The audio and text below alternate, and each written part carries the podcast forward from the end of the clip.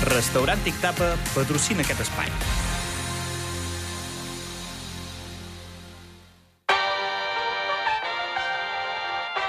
Zona Esports amb Sergi Cano.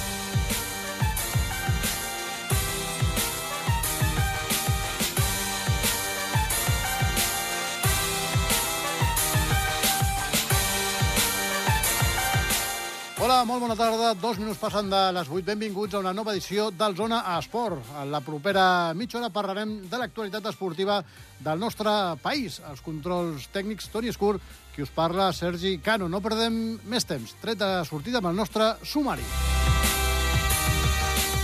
Coneixerem els rivals d'Andorra a la Lliga de les Nacions 2022 i també escoltarem el seleccionador Coldo Álvarez Deulate. Marxarem cap a Itàlia, on dos corredors de l'equip nacional d'esquí de muntanya, Oriol Olm i Laia Sebastià, han debutat aquesta tarda en la Copa del Món.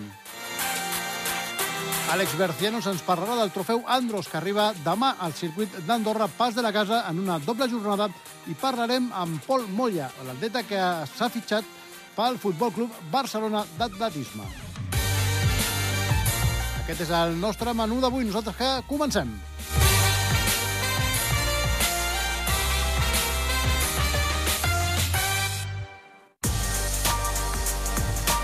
Zona Actualitat.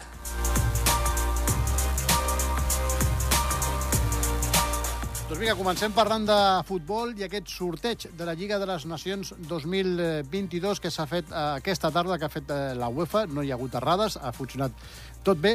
I Andorra ja sap els rivals eh, contra els quals s'haurà d'enfrontar l'any vinent en aquesta Lliga de les Nacions.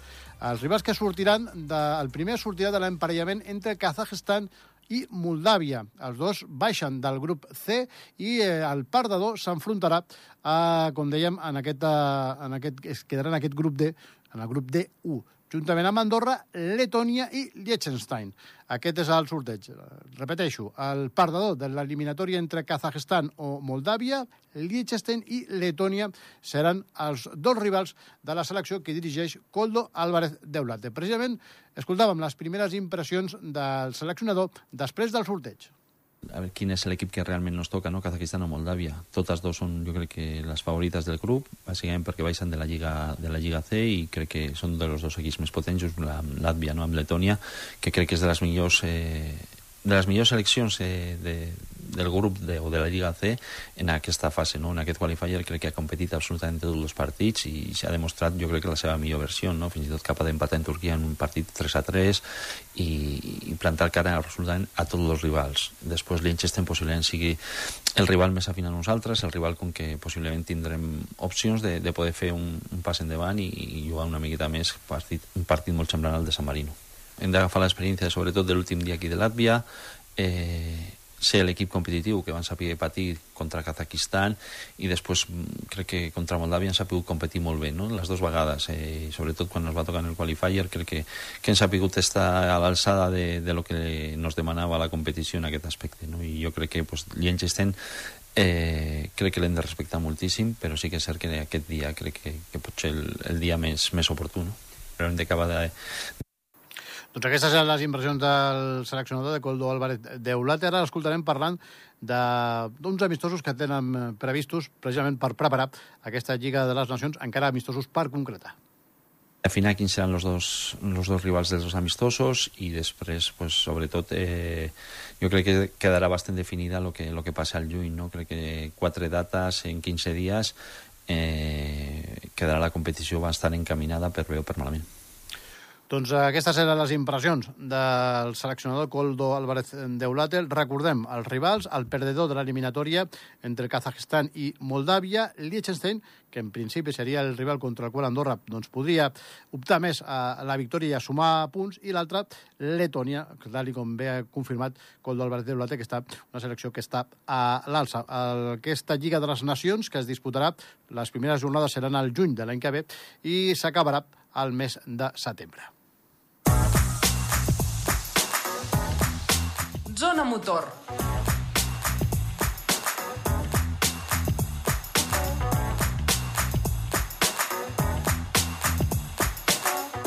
Doncs vinga, anem a parlar ara del trofeu Andros, que arriba demà i dissabte a les instal·lacions del cap del port d'en Valera, el circuit d'Andorra Pas de la Casa, i anem a parlar amb el director d'aquesta uh, instal·lació, que com cada any, ja fa uns quants, doncs, acull aquesta gran competició d'automobilisme sobre gel, com és el trofeu Andros, l'Àlex Bercianos. Àlex, bona tarda.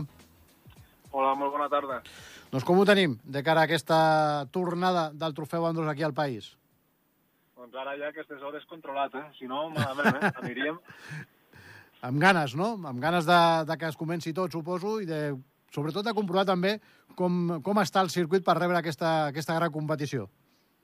Sí, bueno, la veritat és que ha sigut un esforç titànic, eh? Poder tindre la pista preparada, amb l'amplada que, que requereix un esdeveniment com aquest, amb les últimes nevades que ens han caigut eh, bastant atípiques, amb uns gruixos i uns volums eh, pues, molt serios, Eh, ens ha costat molt de poder obrir tot, però bueno, al final hem arribat, eh, com sempre, seguim sense fallar en aquest aspecte i, i contents de poder presentar pues, un escenari com el que presentarem demà per la primera carrera.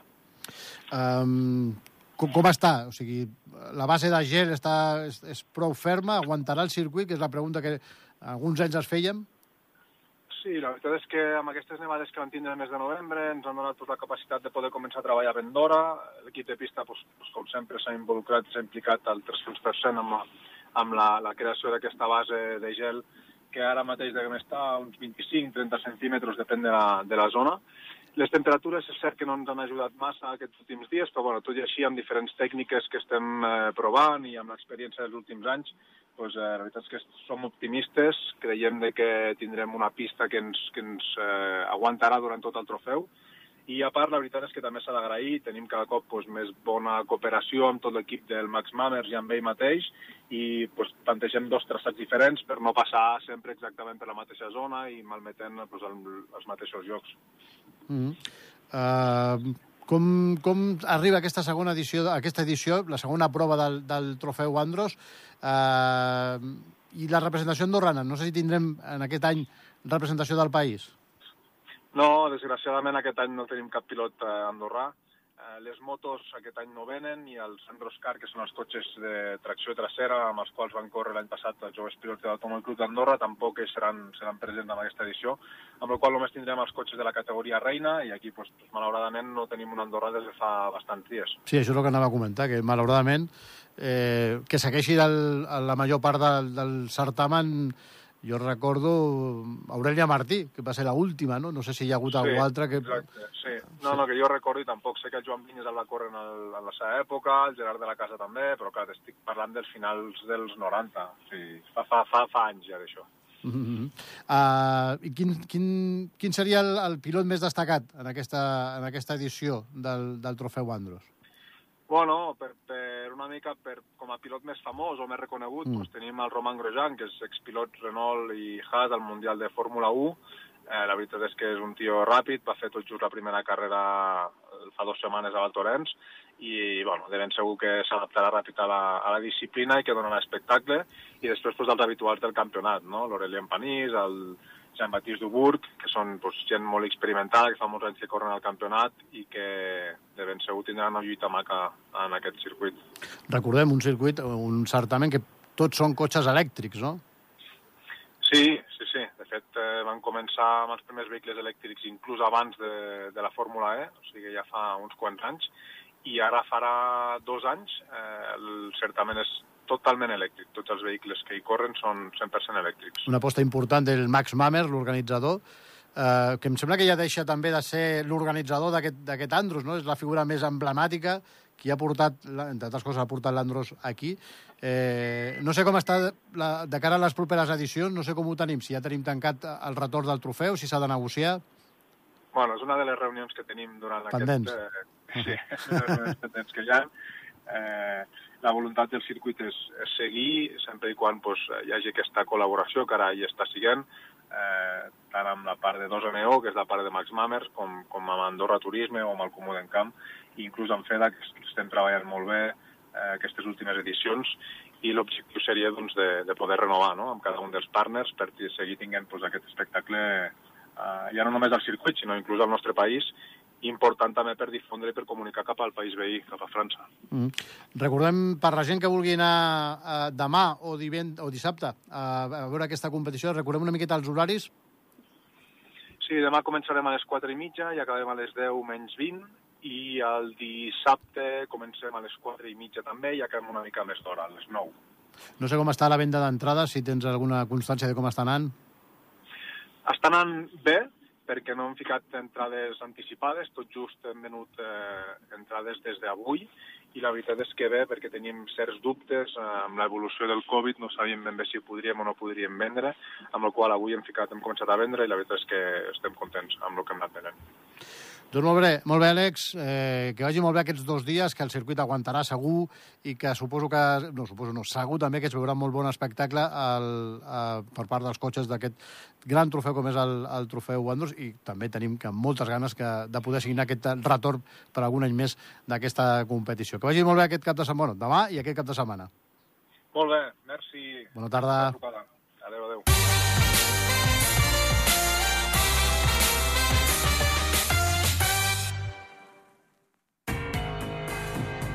Ràdio Nacional t'acompanya en tot moment, també per aquestes festes.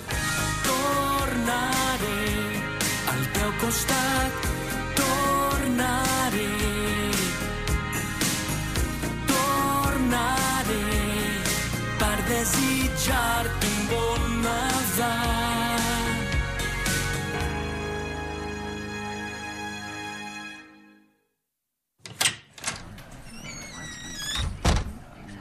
Gràcies a tots per participar en aquest estudi psicològic de conducta recurrent. Només m'han de dir color preferit i lloc de residència. Color preferit. Verde. Lloc de residència. Andalucía. Color preferit. Bleu. Lloc de residència. Marseille. Color preferit. Blanc. Lloc de residència. Andorra.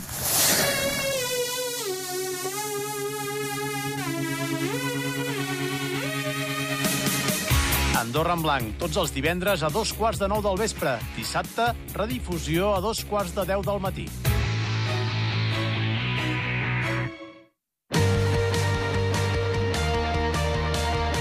El Morabanc Andorra es vol fer fort a la bombonera. Després de la derrota al Lugo, el conjunt tricolor vol recuperar el camí de la victòria a la Lliga contra un rival directe. Dissabte a partir de 3 quarts de 9 del vespre, Morabanc Andorra, Casa de Mont Saragossa, en directe per Ràdio Nacional.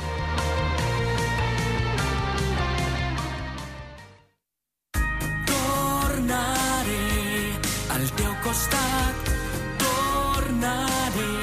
Aquestes festes, deixa't acompanyar per Ràdio Nacional. Per desitjar-te un bon Nadal.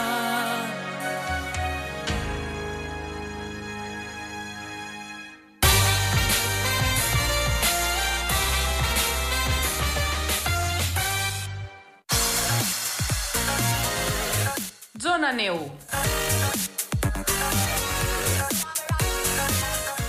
Vuit i 15 minuts, continuem en aquest Zona Esports d'avui, ara parlant de la neu i de l'esquí de muntanya, perquè avui hi ha hagut el debut a la Copa del Món aquesta temporada de dos dels integrants de l'equip nacional, concretament l'Oriol Olm, que competeix a la categoria sub-20, i de Laia Sebastià. Anem a parlar amb el director tècnic de la federació, que està allí, a Itàlia, a Damelo, amb el Carlo Ferrari. Carlo, bona tarda. Bona tarda. Doncs què podem dir dels resultats? Teníem el resultat de l'Oriol, que havia quedat 18è en la prova d'esprint, que és la cursa que s'ha fet avui. No sabia encara el resultat de la Laia Sebastià. No sé si ja ens, ens podeu dir a tota l'audiència com, ha, com ha finalitzat l'Andorrana. La Laia ha passat a les, als quarts de final. No sé exactament, perquè ara estic aquí a dalt del recorregut, eh, encara no, no he baixat a l'arribada on, on es veuen els resultats, però bueno, ha, passat, l'objectiu era passar als quatre, al, passar el tall mm. dels quarts de final, l'ha passat, ha fet una bona carrera i s'ha defensat dignament. Calcular que és el primer, diguem, eh, són les primeres curses que fa a fora i ha quedat una mica impressionada l'ambient, però ha reaccionat molt bé, ha fet unes bones qualificacions i, i ha fet els seus quarts de final dignament, ha fet, han fet una molt bona cursa. Mm. L'Oriol, 18è?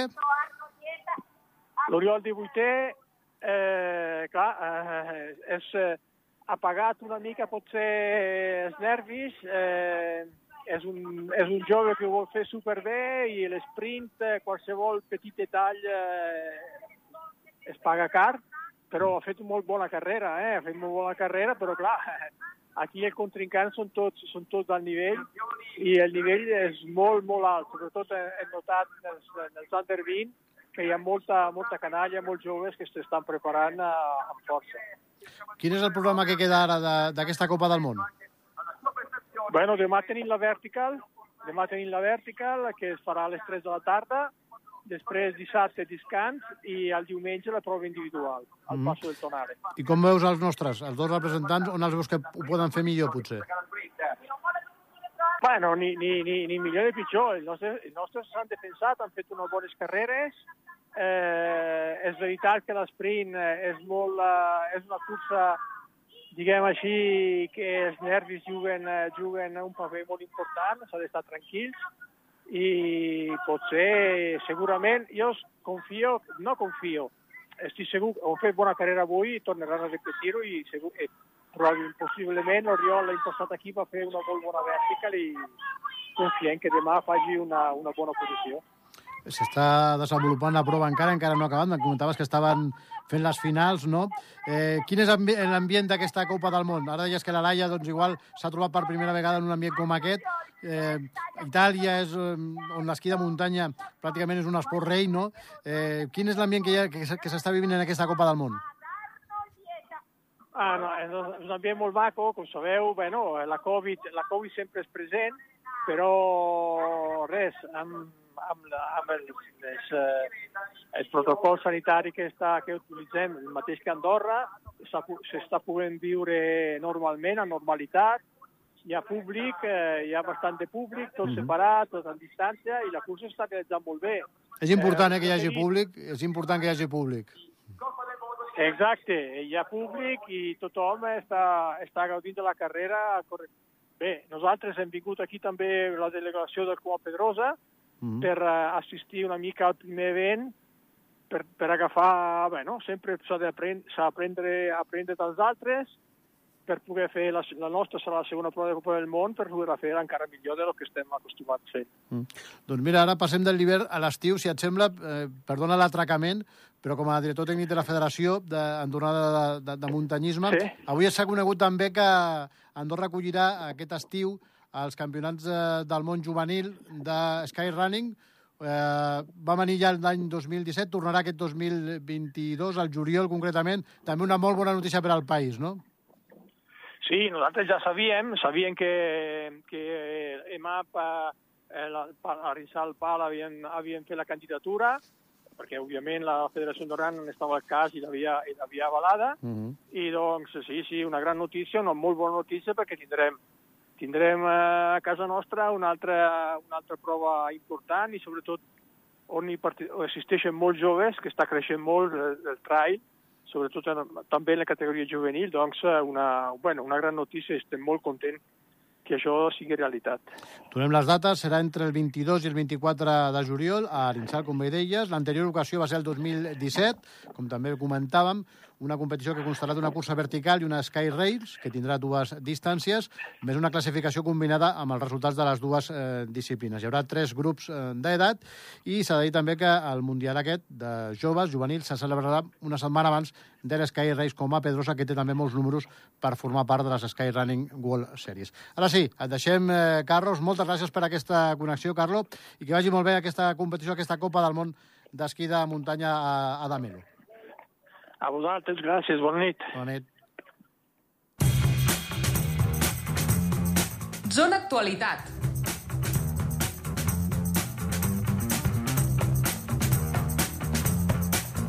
Vuit i 21 minuts, parlem ara de natació. Patrick Peregrina ha obert la participació andorrana al Mundial de Natació de Piscina Curta, que es disputa a Abu Dhabi, amb el vuitè lloc de la seva sèrie i el 42è temps dels 57 participants a la prova dels 100 metres braça. El nedador de 20 anys s'ha quedat a poc més d'un segon del seu millor registre i actual també rècord d'Andorra.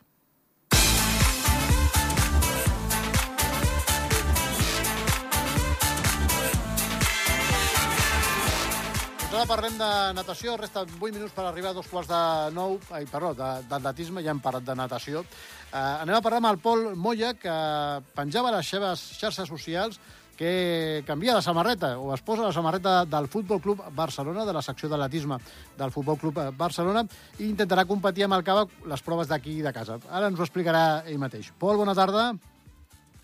Molt bona tarda. Doncs com ha anat aquest, eh, aquest fitxatge pel Futbol Club Barcelona, per la secció d'atletisme? Bueno, doncs, doncs mira, es van, es van interessar en mi, no, el Barça.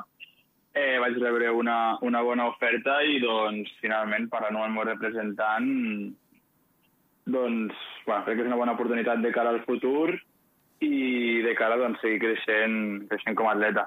Una bona oferta econòmica? O, o, o amb espècies, diguem-ho així? Bueno, en tots els sentits. Ah, ah. Molt bé. I el que dèiem, quan competeix a Andorra, mm, igual competiràs amb la samarreta del Barça o pots competir amb la samarreta del Cava? Com, com ho tens, això? Explica'ns una miqueta. De moment encara, encara no ho sé, perquè encara no s'han de, re, de renovar les llicències de, de cada federació andorrana, llicència, llicència andorrana, però bueno, en un principi segurament sí, segurament renovi pel Cava, i tant els campionats d'Andorra com les proves d'equip nacionals doncs competiré segurament a Ferta del Cava, però això et dic encara no hi ha del rest del, del tot segur. Mm -hmm. uh, de tota manera, tu seguiràs uh, entrenant a Madrid, seguiràs vivint a Madrid, no? però això, a l'hora de competir, eh, competiràs amb la samarreta del Barça. Sí, sí, eh, l'atletisme el lloc on entrenis i amb qui entrenis no té res a veure amb, amb la samarreta que portis, no? o amb el club en el que, en el que estiguis.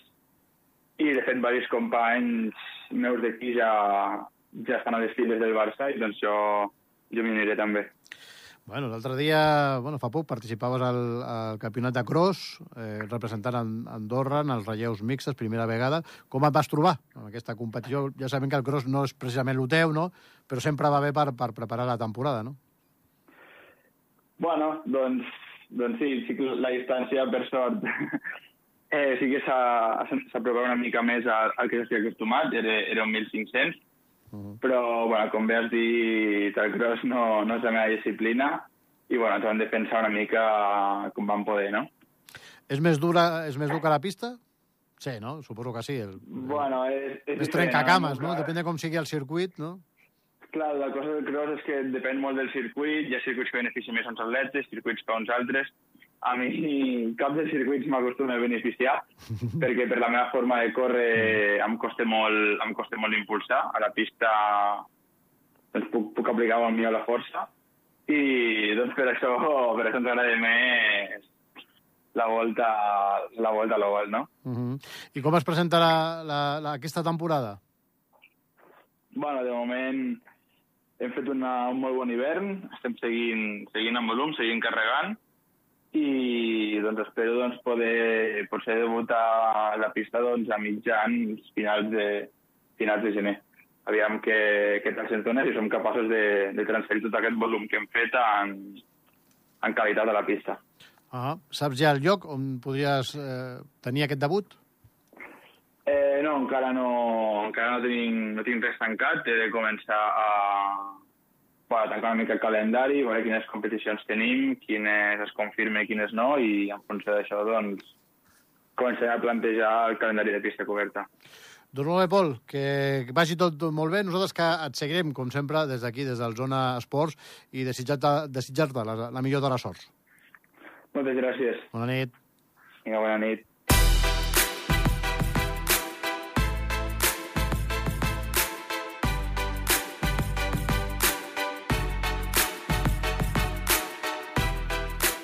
Doncs vinga, passem ara a parlar de, de futbol i de Prada de Moles. L'empresa adjudicatària de Prada de Moles serà l'encarregada de dinamitzar la infraestructura amb esdeveniments més enllà del futbol. Així ho ha confirmat la cònsul major d'Encamp, Laura Mas, que obre la porta a que la instal·lació sigui coberta si la concessionària, concessionària ho veu viable.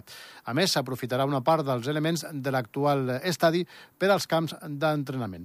El que dèiem, eh, l'empresa concessionària, la que sigui concessionària d'aquesta obra obres de Prada de Moles serà l'encarregada d'omplir, de, d'organitzar concerts i també esdeveniments i actes culturals a la instal·lació a Prada de Moles. El Comú podrà fer-ne ús per esdeveniments puntuals pagant les despeses pròpies de l'acte. Escoltem la cònsul major d'en Camp, Laura Mas. Nosaltres no farem res. L'únic que nosaltres hem demanat dintre el plec és poder disposar d'un camp d'entrenament que nosaltres l'únic que farem és tindre doncs, eh, a una ocupació per assegurar doncs, a totes les eh, clubs i, i escoles que puguin tindre la mateixa dependència que tenien fins ara a Prada de Moles amb, amb una altra ubicació. La cònsul major també ha obert la porta a una possible instal·lació coberta en cas que la concessionària ho vegi viable depenent també totes les accions a nivell doncs, que vulgui desenvolupar al llarg de l'any, suposa que valoraran si ha de ser cobert o ha de ser descobert, no? A fin de comptes, doncs, si realment volen fer eh, molts concerts, doncs si està cobert, millor, perquè segurament donarem vida també a l'hivern, no? Eh, Laura Mas que ha remarcat que alguns elements de l'actual infraestructura, com ara materials dels vestidors i la gespa, es reaprofitaran la gespa es, re, es reaprofitarà, es traurà de, de Prademoles i es passarà el nou camp d'entrenament. Vull dir que hi ha moltes coses que no, que no, que no aniran a, amb un no res, no? La cònsul que ha defensat la inversió feta fins ara a Prada de Moles, ja que considera que això ha permès atreure el projecte actual. La cònsul també ha admès que l'aportació del comú, Sínia, dependrà de la proposta que faci l'empresa concessionària.